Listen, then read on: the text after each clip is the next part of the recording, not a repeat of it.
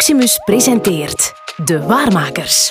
Een podcast over starters die op een goede dag een straf en duurzaam idee hadden en er sindsdien ook alles aan doen om dat idee waar te maken. Als je het simpel kunt uitleggen en het klopt ergens wel wat, hè, we maken een berekeningske, tak, tak, tak, oké, goed. Matthijs F. Schepers, niet alleen acteur, maar in het dagelijkse leven ook ondernemer in hart en nieren, ging praten met de mensen achter vijf boeiende start-ups. Keigoed, keigoed.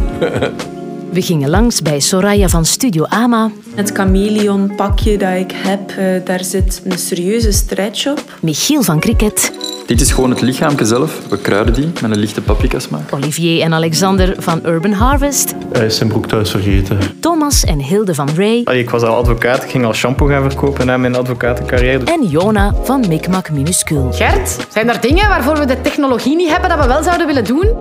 De Waarmakers, een podcast powered by Proximus. Think Possible.